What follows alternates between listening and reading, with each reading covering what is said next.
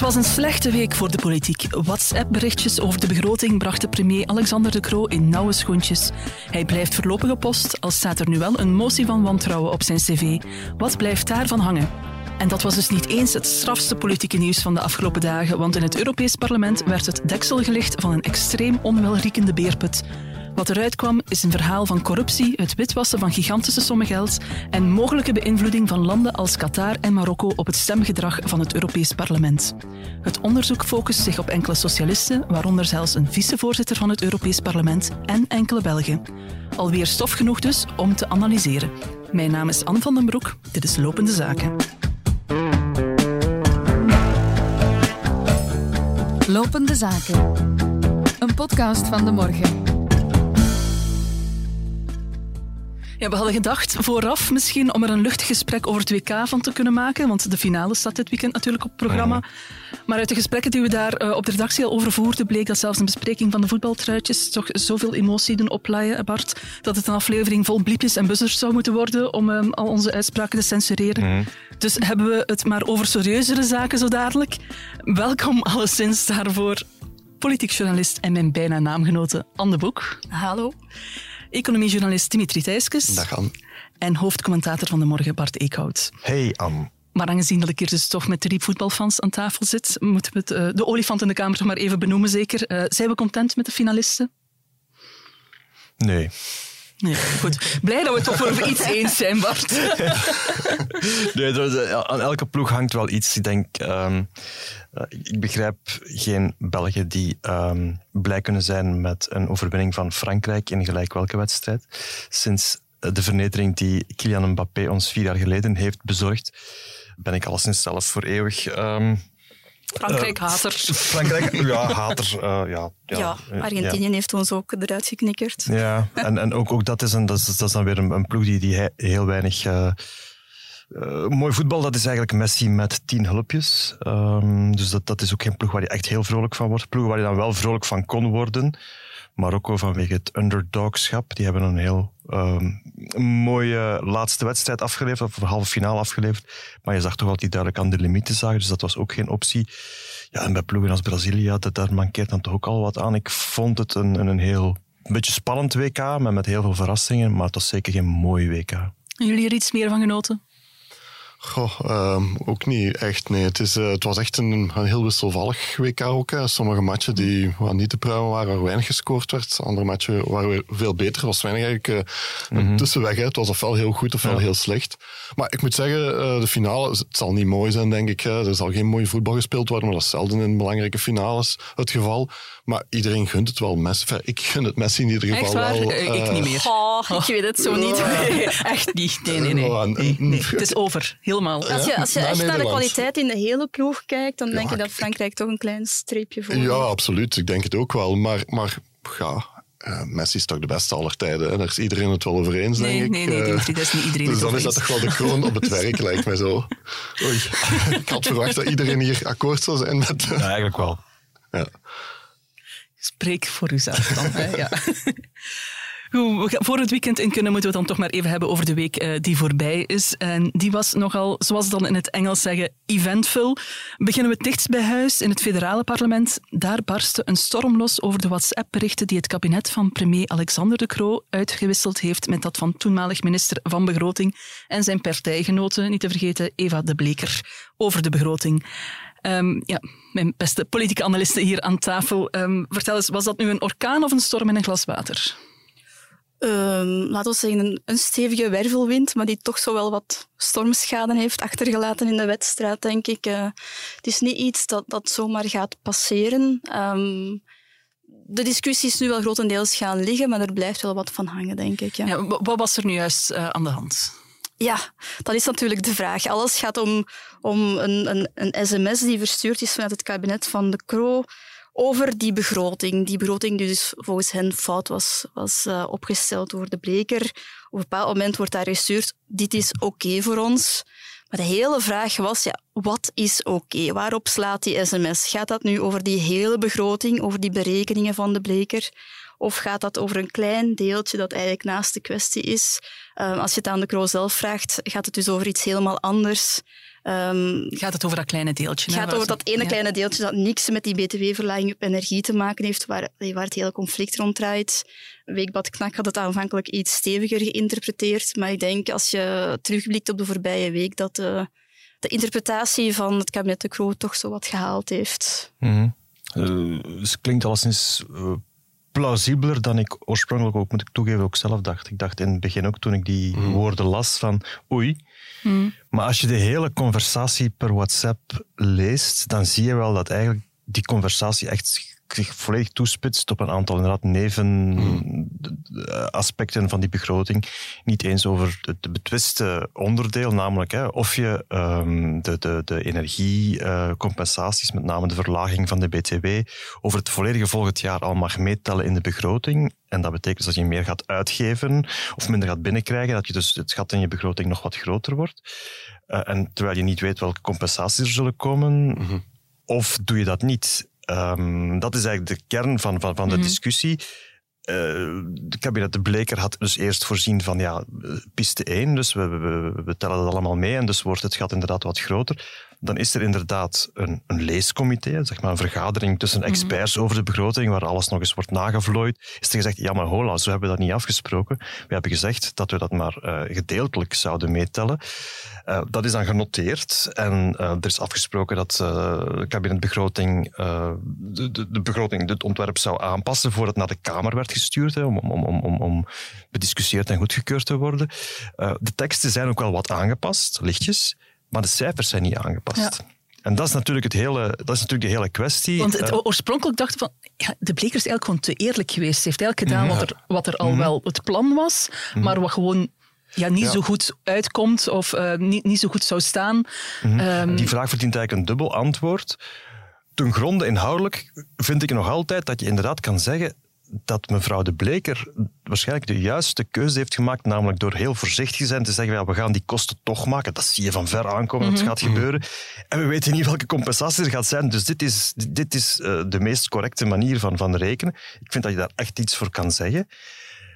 Maar politiek is een andere afspraak gemaakt. En zij heeft cavalier gespeeld. En, en het punt is natuurlijk ook ja. van, door de Europese Unie is nu ook gezegd, je mocht het zo doen op de manier waarop het nu mm-hmm. gebeurd is. Mm -hmm. Dat is natuurlijk ook, uh, ja. daardoor hebben ze eigenlijk ja. gelijk gekregen. Dus ook van, dus de, Kro gelijk gekregen. Dus de politieke waarheid zit aan de kant van, van, van, van, van de Kro. Dat, dat is wel zo.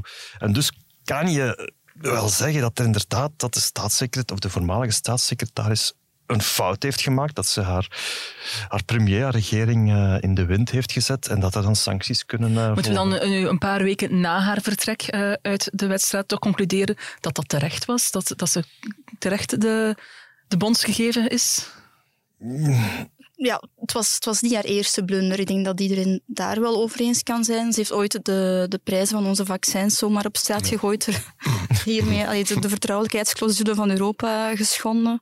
Hmm. Uh, ze heeft ook altijd heel forse uitspraken gedaan rond die begroting over besparingen die nodig waren. Maar dan aan de regeringstafel kwam dat dan, uh, ja, bleef ze het heel stil. Dat zorgde voor heel veel ergernis. En dit is zowat de, de druppel die de emmer heeft doen overlopen, denk ik. Het is natuurlijk wel een heel... Um een heel forse sanctie voor iets wat, mm.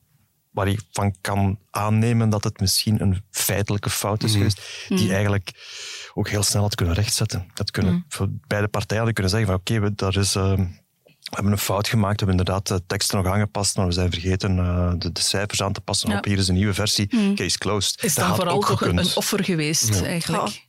Ik denk dat Open VLD vooral in een kramp is geschoten. Mm -hmm. En dat ze een soort van overcompensatie hebben willen doen voor het feit dat ze zo onder, onder vuur liggen voor die begroting die helemaal mm -hmm. ontspoord is. Ja. Um, en ze hebben gehoopt dat dat de boel wat zou kalmeren, maar het heeft totaal het averechtse effect ja, gehad. Dat is het Barbara Streisand-effect. Je probeert uh, iets toe te dekken, maar daardoor geef je er juist heel veel aandacht aan. En is mevrouw de Bleker effectief een soort patroonheilige van uh, de begrotingsorthodoxie geworden?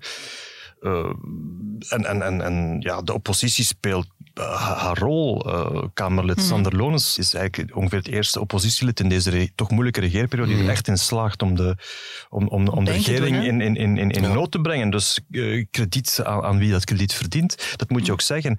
Um, ja, hij heeft zelfs het ontslag gevraagd van, van de Croo. Ja. ja. Vooralsnog blijft die op post, uh, lijkt me wel. Mm maar blijft daar nu echt iets van hangen? Is er echt schade aangericht? Ja. ja. ik weet eigenlijk niet. Is dat iets wat, wat bij de kiezer gaat blijven hangen? Ik weet dat niet. Dat was zo'n technische discussie uiteindelijk. Het ging heel... over hoe moet je dat interpreteren of niet. Dat dat... Ik weet niet of dat echt iets is wat, wat tot, tot in de dorpstraat is doorgedrongen. Dat valt natuurlijk moeilijk te peilen hier aan het bureau van, mm. van, van, een podcast. Maar wat wel zo is, is dat in het algemeen kan je zeggen dat begrotingen, ook lastige begrotingen, lekkende begrotingen, heel weinig aandacht krijgen van, van, van, zelfs als er grote problemen zijn, krijgen die heel weinig aandacht van kiezers. Maar nu is daar een verhaal mhm. bovenop gelegd. Waar een heel verhaal veel, van liegen natuurlijk ook. En dat is een veel, beeld wat de, mm, en, en, van, hangen. Het broddelwerk is ook. Ja, en van, En, en, en van een, een, een machtige man die een ondergeschikte vrouw opzij duwt om zijn eigen positie af te schermen. Dat, zijn, dat is wel een verhaal dat natuurlijk wel veel mensen begrijpen en waar ze zich wel iets kunnen bij voorstellen. Dus dat is wel een. Dat, dat, dus eigenlijk heeft, heeft de Open VLD eh, haar eigen probleem alleen maar groter gemaakt. En inderdaad, wat Anouk zegt, ik vind het ook wel opmerkelijk de manier waarop dat zo'n belangrijk document, eh, waarop dat wordt vastgesteld, last minute, uh, waar nog een of ander cijfertje moet aangepast worden, dat dat via WhatsApp wordt doorgestuurd. Zijn er echt veel te tolerant voor. Ja, dat is echt broddelwerk, hè, zoals je zegt. Dat, daar lijkt het meer en meer op van last minute, ons, onze, onze examens nog even instuderen, een paar uurtjes voordat de examens zijn. Het is echt, echt, hoog tijd dat we stoppen met die stoerdoenerij van, van vergaderingen tot echt letterlijk het uur voor de premier naar de Kamer moet. Dat moet echt gedaan zijn, want dan krijg je dus accidenten zoals je nu, waarbij per, per WhatsApp nog moet uh, laatst belangrijke aanpassingen aan een begrotingsontwerp moeten hm. gedaan worden. En waarbij de ene partij uh, niet goed begrijpt wat de andere bedoelt. Want ik denk mm -hmm. uiteindelijk dat beide, uh, als we terug naar die WhatsApps gaan, dat beide kanten hun reden hebben om hun deel van het verhaal te gewoon te geloven. Ik, ik, kan me mm. best voorstellen dat ze bij kabinet De Bleker echt oprecht dachten dat ze een oké hadden voor de hele begroting. En ik kan me oprecht voorstellen dat degene die die WhatsApp gestuurd heeft, dacht, die oké gaat alleen maar over mm. dat discussietje wat wij hier nog op het à la limiet aan, aan het voeren zijn. Mm. Absoluut. Ja. En dat is, on, dat is eigenlijk, dat, eigenlijk is dat onacceptabel. Dat op die manier omgesprongen wordt met de belangrijkste regeringstekst van het jaar. Dat zou eigenlijk de essentie moeten zijn van de zaken. Niet mhm. die, Absoluut, die, die nevendiscussie over die WhatsAppjes. Mm Ja, en ik kan me voorstellen dat dat wel degelijk een beeld is dat gaat blijven plakken. Hè.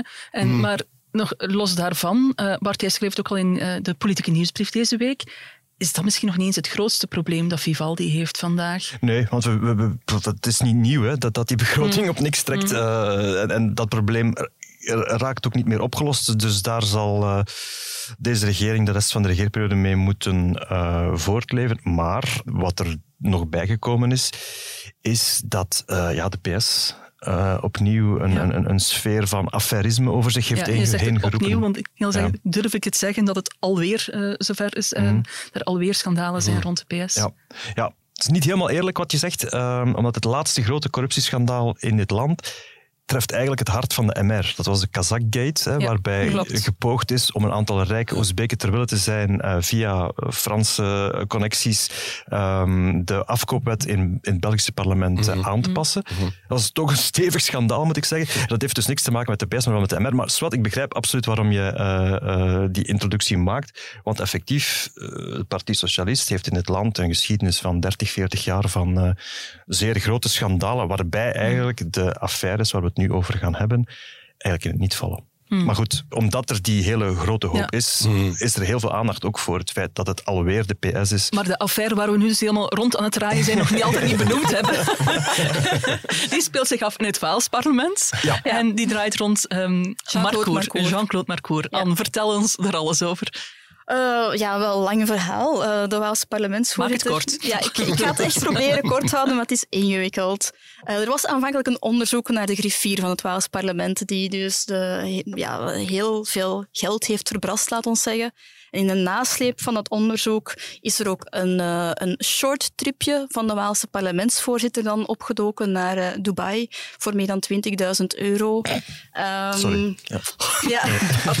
waarin hij dus meer dan 1000 euro per nacht aan zijn hotel heeft betaald, een persoonlijke gids van 4000 euro enzovoorts enzovoorts. Wat natuurlijk allemaal heel moeilijk uit te leggen is in tijden waarin mensen hun rekeningen amper kunnen betalen. En um, ja, hoewel Magnet aanvankelijk zei, ja, hij heeft geen echte fout gemaakt, het is eigenlijk een deontologische inschattingsfout, merk je wel dat dat moeilijker en moeilijker verdedigbaar was en uiteindelijk heeft hij ontslag moeten nemen. Mm -hmm. Ja. Je zei het net al, ja, dat is een probleem voor Vivaldi. Um, dat, er, zo, uh, dat er uh, schandalen zijn rond de PS. Waarom laatste graden natuurlijk? Hè? Want dit is een gigantisch cadeau voor de oppositie. Ja, en, en, en, en in, in Franstalig België spreek je dan over de PTB. Mm -hmm. uh, dat is wel een beetje het verschil met de, de, de, de, echte schandalen van vroeger. Toen had de PS wel wat marge, had mm -hmm. wel een stootkussen uh, aan de stembus om dergelijke affaires uh, weg te slikken. Ja, dat stootkussen is nu wel weg. Hè. We spreken over een partij die nog goed en wel dikke 20% waard is. Dat is iets anders dan de PS van, van 30, 40% van weleer. Uh, dus er is echt wel een concurrent, er is een alternatief voor die, die, die, ro die echte rode kiezer in Franstalig België, die dacht van ja goed, oké, okay, toch maar weer, ik weet, ik weet dat ze niet altijd betrouwbaar zijn, die PS'ers, maar goed, toch maar weer daarop stemmen als ik mijn sociale rechten wil verzekeren. Nu is er een alternatief, dus dat geeft Paul Magnet en de PS heel weinig marge om nog te bewegen. En dat is een probleem voor uh, uh, de federale regering, waar dus om alle redenen die we al genoemd hebben, Alexander de Croo en de rest van die Vivaldi-ploeg toch verlegen zitten om een succesje. Ja, ja. Uh -huh. En dus moeten gaan hervormen nog. En ze hadden gehoopt van dat nog te doen volgend jaar, maar met een PS zonder enige marge om hmm. nog iets toe te geven, omdat ze anders PTB op een dak krijgen, zie ik eigenlijk weinig kansen dat dat nog gaat lukken. Ja.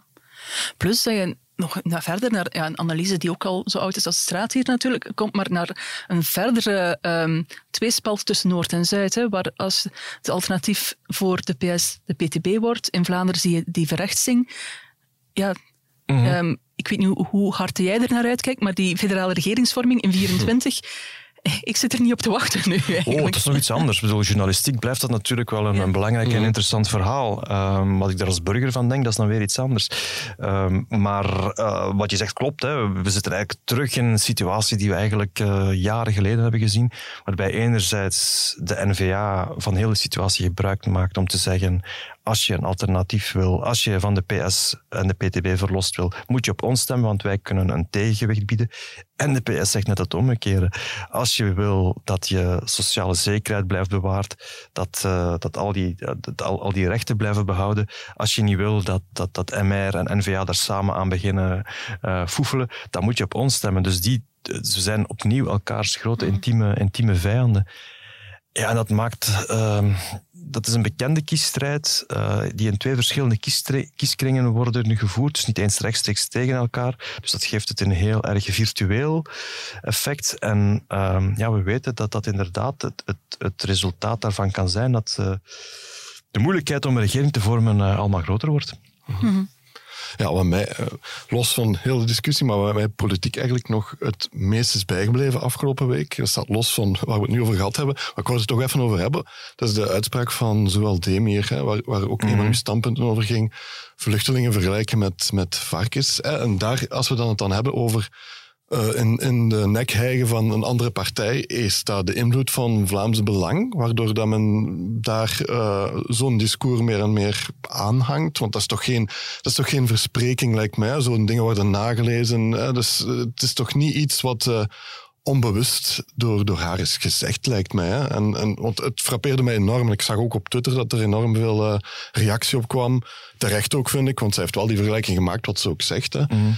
Uh, ja, je, je, je, komt inderdaad natuurlijk in een soort historische uh, kader terecht, waarin in, in een heel duister verleden nog wel eens migranten zijn vergeleken mm -hmm. met varkens. Ik denk oprecht, maar bon, wie ben ik? Niet dat ze dat bedoeld heeft, dat ze echt wou referenties maken aan mm. dat soort uh, uh, politieke standpunten, extreme standpunten. Dat denk ik echt niet. Maar het toont wel aan dat er een aantal remmen los zijn, waarin mm. dat je inderdaad van andere mensen uh, die op een of andere manier een probleem vormen voor jou, dat je, daar, dat je die kan gaan vergelijken in een zeer ingewikkelde en rare vergelijking, zoals het zelf ook zegt, met, met, met, waar je uiteindelijk met varkens uitkomt. En dan denk ik van, mm, ja, dat is niet zo geweldig goed. Wat ik wel gezien heb, is ja, dat we, we hebben inderdaad nog niet zo heel lang geleden weer een peiling gehad, waarbij Vlaams Belang het heel goed -hmm. doet. Mm -hmm. En je ziet inderdaad dat bij een aantal mensen, toppers van, van de NVA, dat, dat, dat de versnelling iets, iets hoger gaat. Hè. Ik herinner mij het interview van Bart de Wever, mm -hmm. vorig, vorig weekend op VTM zeker, waarin hij uh, toch de deur voor samenwerking met het Vlaams Belang toch weer op een kier zet. Een half jaar geleden was die deur nog helemaal dichtgeslagen. Dat was toen het nieuws. Nu is het nieuws dat ze weer open staat. Dus je ziet inderdaad dat er toch wel ja, dat, dat, dat, dat effect, dat er impact is van, van, van, van, van, van die cijfers en van die tendensen in de peilingen. Ja, als nu zelfs de iets wat socialere vleugel van NVA, met, zoals mm -hmm. toch is, als Zeker. zij nu zelfs uh, ja. van die terminologie gebruikt, dan begin je echt wel te denken dat, dat we misschien stilaan toch moeten rekening houden met een uh, coalitie Vlaams Belang NVA voor, voor de, na de Vlaamse verkiezingen. Ik denk het nog altijd niet, um, omdat je dan natuurlijk, um, dat is zo'n soort kernontploffing in je Mhm, systeem. Dat NVA dan ook weet dat zij op allerlei andere niveaus Mhm. zichzelf buitenspel zetten. Dat is ook al gezegd, zowel door Vooruit als door PS. Als dat zou gebeuren, Mhm. dan is het eh, uitgesloten dat er nog met NVA gesproken wordt. Mhm. Dus ik denk nog altijd dat dit past in een tactisch manoeuvre om te proberen eh, even aantrekkelijk Mhm, en even ehm, Fors. fors te zijn als, als, als het Vlaams Belang. Maar het, eh, het maatschappelijke effect is wel, en dat zie je ook wel, dat iedereen de remmen een beetje loslaat. Als dit mag gezegd worden, dan mag ik ook. Hè? Dus, dus je hebt bijvoorbeeld na de... We hebben het al even over, over het WK voetbal gehad. Na het WK voetbal kon eh, Dries van Langenhoven toch weer niet laten om een foto te posten van de Marokkaanse voetbalploeg met daarop, wij zijn nu even weg. Eh, maar je ziet ons draad terug in opsporing verzocht. Een totale, een, een, een, een, een, pure racistische, eh, Marokkaans hatende opmerking die, we- die dan, dat passeert als een mopje. In een context waarin al ook centrumpolitici eh, al, al heel rare dingen hebben gezegd. Maar is dat niet een, een gevaarlijk spel wat NVA dan speelt? Want de kopie scoort toch nooit zo goed als het origineel, zeggen ze altijd. En is al eerder bewezen ook. Ja, hè? Als je- 2019, ja. ja. Hm. Is het dan geen gevaarlijke tactiek die ze, die ze toepassen, waardoor misschien Vlaams Belang nog groter wordt? Ik denk het wel, maar ik, ik- als je dan weer wat afstand neemt, dan, dan zie je in, in heel die wedstrijd eh, veel wanhoop, om het nog eens met het, eh, het woord van die van de Vadder te zeggen.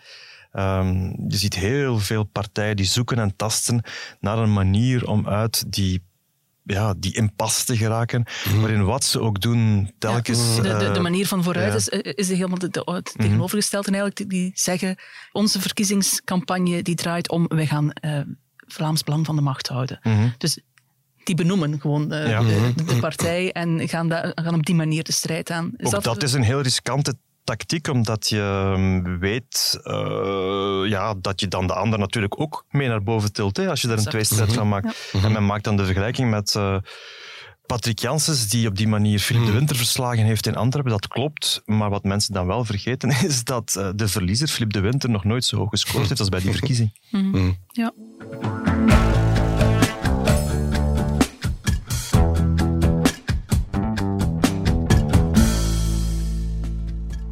I will also, of course, talk about the criminal allegations involving the European Parliament, which are a blow to democracy and a blow to everything we've worked on.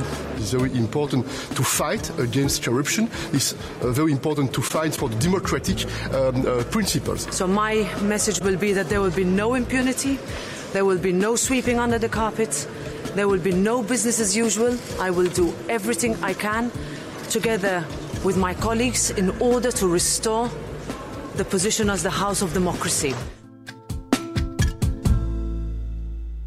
Ja, we hadden het daarnet al over de PS, maar de grootste genadeslag die moest dan eigenlijk nog komen na het nieuws over Marcour. Want ook bij het schandaal dat deze week losbarstte in Europa, intussen bekend als Qatargate, komen de Franstalige socialisten in opspraak. Anne, vertel nog eens even wat daar nu weer precies aan de hand is. Of in elk geval wat we al weten dat daar aan de hand is. Ja, ook dat is redelijk ingewikkeld, maar het, het komt erop neer dat eh speurders ontdekt hebben dat zowel Qatar als Marokko hele grote sommen geld hebben aangeboden aan huidige en voormalige Europarlementsleden in ruil voor eh, hand- en spandiensten in het parlement. En een van de mensen waar men een eh, huiszoeking heeft gedaan is bij Mark Tarabella, een PS'er die al meer dan twintig jaar in het Europees parlement zit. Hij blijft onschuldig tot het tegendeel bewezen is, maar ehm, hij heeft de voorbije maanden wel opmerkelijk positieve uitspraken gedaan over Qatar, onder meer in het parlement. En er zijn wel aanwijzingen om te vermoeden dat hij erbij betrokken is. Ja, je zegt hand- en spandiensten, maar wel, wat voor invloed wilde Qatar en Marokko dan precies eigenlijk in dat Europees Ehm, parlement? Als het over Qatar gaat, ehm, denkt men onder meer aan eh, een initiatief dat nu op tafel ligt om de visumplicht ehm, af te schaffen voor mensen die vanuit Qatar naar de EU komen. Natuurlijk ook gewoon 2K in Qatar en eh, de hele discussie die daar rond ontstaan is rond eh, eh, arbeidsrechten, mensenrechten. Mensenrechten. Een van de hoofdverdachten in het dossier, Eva Kaili, een, een Grieks Europarlementslid, Vicevoorzitter van het en Europees parlement, niet te heeft- ja, heeft onlangs nog gezegd wat voor een voorbeeld Qatar wel niet was op vlak van arbeidsrechten. Dus dat is complete nonsens Complete waanzin eigenlijk. Ja, ja, ja, ja. En er is niemand die op dat moment gezegd heeft van ehm, Eva, wat zeg je nu? Nee, niet dat ik, niet dat ik weet. Nee, nee. nee. Ja, Ja, nee. Ik bedoel, zo, zo heeft het natuurlijk wel een beetje de, de, de verdachtmaking op zichzelf Ja. geladen. Ja, ja. Ten meer omdat het eigenlijk ook helemaal haar eigen domein niet was, die arbeidsrechten. Ja. Eva Kaili is vicevoorzitter van het Europees Parlement. Daarmee zit heel dat onderzoek echt in de kern van de instellingen. En ja, cynici zullen zeggen van ja, uiteraard, eh, want eh, alles is, daar, is, eh, heel de politiek is verrot en zo. Maar eigenlijk mag ons dat toch wel verbazen, nee? Ik denk dat het toch wel echt het, het grootste corruptieschandaal is die de Europese instellingen heeft getroffen tot nu toe. Ehm, Ja, ik- Het ook Europees parlement. Er is ooit een commissie opgestapt ehm, onder Jacques Santer. Maar nu moet ik al naar het begin van mijn eigen journalistieke loopbaan. Om, omdat er allerlei ehm, eh, misbruik werd gemaakt van, eh, van vergoedingen. En, en van, maar bon, pas, passons. Ja, Maar enfin, het spreekt ook tot de verbeelding het feit dat er koffertjes met Ja, cash geld ja. bij betrokken Ja, zijn. Het is sowieso. nog Maar nooit zo zeggen- tastbaar geweest. Ja. Ja, voilà, ook al.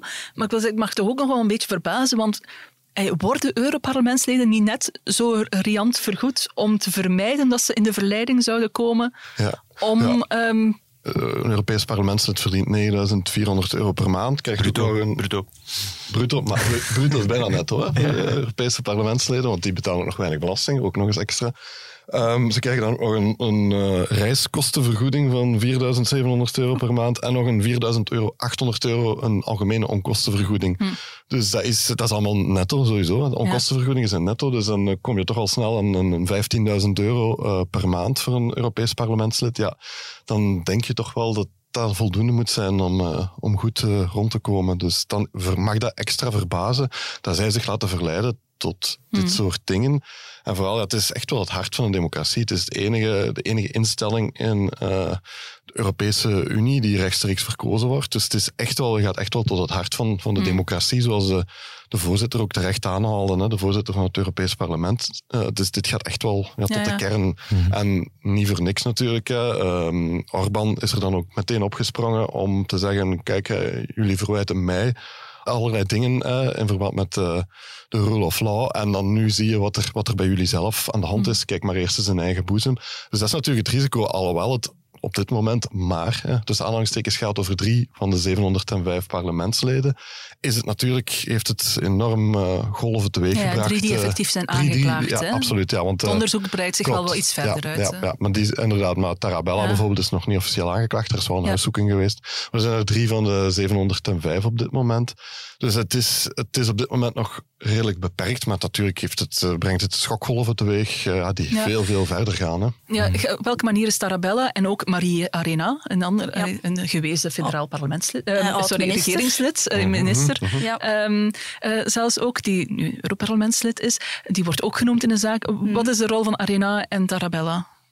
Ehm, dus bij Arena gaat het vooral om een medewerker van haar. Dus de, de, het hele schandaal draait rond die Antonio Panzeri en zijn NGO Fight Impunity. Een NGO die normaal die zogezegd vecht tegen Alzere is een straffeloosheid. gewezen Europees parlementslid. Een hè? gewezen Italiaans parlementslid, ja. Het is een heel netwerk, maar alleszins, eh die medewerker van Arena werkt ook voor die NGO. Ehm, en Arena heeft zelf ook een goede relatie met Panzeri. Voor de rest zijn er wellicht nog andere aanwijzingen die mogelijk naar haar wijzen, maar daar hebben wij alleszins geen weet van. Ehm, ze is voorlopig geen, eh, geen eh, voorzitter meer van de commissie Mensenrechten. Dus je merkt wel dat daar iets is dat onderzocht wordt, maar dat weten we niet. Bij Tarabella is er ook gewoon 600.000 euro in zijn huis gevonden. Hij liep al langer in het oog van, eh, van eh, de veiligheidsdiensten. dus ja, daar, daar zijn de beschuldigingen zeker in de iets problemen. straffer, Ja. ja. Ja. Ja. Ehm, Annie, jij, jij schreef ook een redelijk fors standpunt hè, in de krant over ehm, heel, de, heel de zaak. En wat ik er ook uit onthouden heb, is dat je zegt van, ja, eigenlijk, dit is maar het topje van de ijsberg. Hè, dat we, iedereen weet het. Ja, pas op. Ik, ik weet wel dat lobbyen bij politiek hoort. Je wil niet als politicus boven het hoofd van mensen beslissen. Het is normaal dat mensen aan hun mouw komen trekken en, en, en belangengroepen enzovoort. Maar het grote probleem, eh, zeker in Europa, is dat die grens tussen publieke en private belangen echt aan het vervagen is. En ook de grens tussen een, een, een, een chic etentje of een tripje naar eh, een ander land en een koffertje met geld. Ja, op den duur, eh, er gebeurt heel veel ehm, eh, waar onvoldoende transparantie overheerst. En dat is het probleem, denk ik. U weet, er zijn al talloze waarschuwingen geweest dat die integriteit echt wel op het spel staat. En ehm, tot nu toe is daar nooit echt ehm, fundamenteel op ingegrepen. En dat baart echt wel zorgen. Want een van de dingen die ooit, zijn in het leven geroepen om daar paal en perk aan te hebben, is, is een lobbyregister. hè? Ja. Er stelt Ja. niks voor in het Europees Nee, Parlement. Nee, ten eerste al, het geldt alleen maar voor eh, lobbygroepen die van binnen de Europese Unie komen. Dus als ze gelobbyd worden door Qatar, Qatar, moet dat niet geregistreerd worden. Dat is al een grote manco. En het moet alleen maar bij een aantal Europese parlementsleden die eh, dacht voorzitter zijn van, een- van Ja, commissies of- of, of- rapporteur. ja. Dus enkel maar die in de hoge functies zitten in die commissies, maar niet voor alle parlementsleden. Dus enorm veel manco's in dat lobbyregister. Dus dat is al een, een eerste ding. En dat is een beetje de Europese parlementsleden. Eh, Ze wil iedereen anders met de vinger wijzen, maar als ja, zo het, het ethisch gehalte, als het heel vaak gaat over om zichzelf te controleren, ja, dan zijn er enorm terughoudend. Er zijn een aantal initiatieven geweest ook, maar dat hou- houden ze altijd op afstand. Dus da- daar moeten ze, dat is een beetje een dubbele moraal natuurlijk, omdat het Europese parlement is altijd de eerste om ja, overal hè, eh, iedereen met de vinger te wijzen. Dus dan moet je ook wel zien dat je proper op jezelf bent, om het zo te zeggen. Hè. Als ik mij even de, de analyse van de gestampte boer eh, mag permitteren, eh, denk ik, het probleem ten gronde van het Europees Parlement is, die zijn met te veel. Die zijn echt met veel te veel. Wat betekent dat ze heel veel tijd hebben om dingen te doen, maar ook dat het heel moeilijk is om hen te controleren. En en dat, gaat, dat gaat heel ver. Hè. Ehm, hier in België zijn er nog wel redelijk eh, deontologische regels, maar goed, we hebben toch ook een, ehm, eh, de lachers op de hand gekregen toen heel de Voutmans plots eh, een, grote, paarden. over- een grote De overwinning boekte namens de paardensector. Dat was ook gewoon e- één op één handje klap met, met, met, met, met, met die sector zelf. Maar goed, dat is dan nog eh, ja, openlijk lobbyen waarvan op geen enkele manier bewezen is dat, dat er ook echt eh, dat er fraude aan te pas gekomen is. Wat je niet hebt in het Europees Parlement is bijvoorbeeld de afspraak dat als je verkozen bent, dat je dan je andere mandaten of je andere jobs moet opgeven. En hier in België zijn we dat gewoon dat iemand fulltime politicus is, maar in andere landen blijkbaar helemaal niet. En, en, en ik, ik las ook het verhaal van... ehm, een parlementslid uit Finland, die tegelijkertijd in de raad van bestuur zit van grote energiebedrijven in haar eigen land, en dan hier in het Europees Parlement in de commissie Energie zit. Ja, dan, dan, Ja, moet, je, dan moet je geen lobbyregister hebben om te weten dat er daar een probleem is. Dus, dus je, je- je- je- Maar dat heeft toch, volgens mij heeft dat toch niks te maken met het aantal parlementen. Want 705 voor ja, eh, 4, Zeven. 4, 500 miljoen eh, Europese inwoners. Dat is niet te veel. En dat is ook niet moeilijk om dat te controleren. Maar je moet er natuurlijk wel middelen voor uittrekken, denk ik. Ik denk niet dat dat het probleem is, maar terecht wel. eh, Dus ik, ik- wat ik ook gelezen heb, een kwart van alle eh, Europese parlementsleden hebben ook een andere job naast, eh, het, naast het feit dat ze Europees parlementslid zijn.